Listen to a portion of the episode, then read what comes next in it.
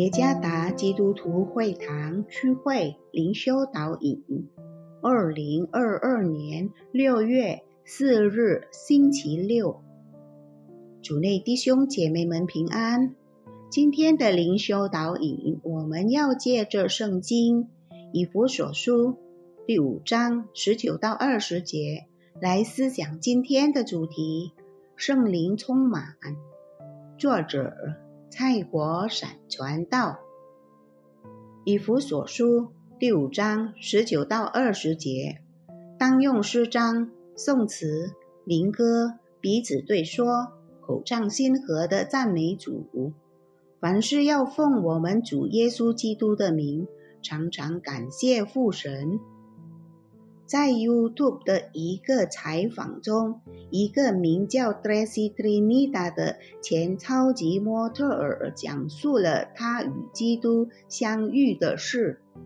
他觉得心灵空虚，毫无意义，并突然，这样的感受并非当他在困境中的时候，而是正当他出名走红，过着非常奢侈生活。充满各种不同形式使人开心狂欢宴会的时候，他感受到上帝的爱充满了他空虚的心灵。他献上自己，并接受耶稣成为他生命中的主和救主。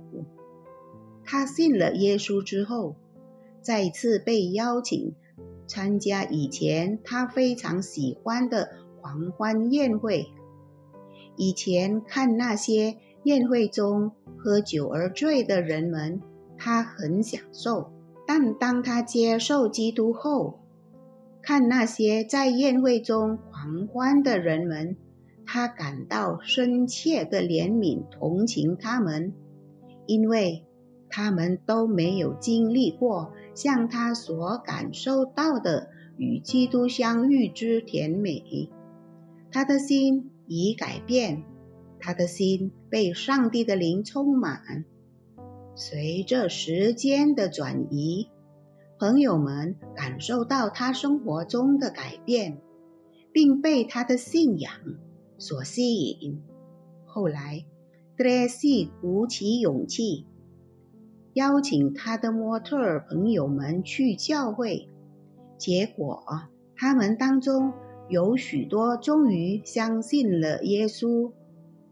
在今天的灵修经文中，保罗写给了以弗所会众重要的信息，让他们的生活可以行走在主的光明中。保罗激励会众要像智慧人爱惜光阴。十六节要追求明白主的旨意。十七节。在十八节中，保罗给了两种相对比的命令形式：不要醉酒，酒能使人放荡；乃要被上帝的灵充满。这两种相对比是一个人被充满时的形态。一个人只能在被欲望充满或是被灵充满的现实之下。这是什么意思？有时很多人没有觉悟是什么充满了他们的生活。有许多的人觉得自己处于一半属世、一半属灵。其实，人总会被某些东西所充满。若是被狂欢宴会和酒充满，那么。生命所浮现出的是随意妄为，很容易被诱惑而犯罪。但若是被上帝的灵充满，就会看世俗的生活为虚空古风。但并不到此为止，因为一个被灵充满的人，不只经历心灵的改变，也经历满心热诚的。在关心抢救灵魂的事上来侍奉主，这也发生在彼得、斯提凡和其他门徒身上。他们被圣灵充满，他们侍奉并荣耀神。弟兄们，一个被上帝的灵充满之人的表现，就是用一生来荣耀他。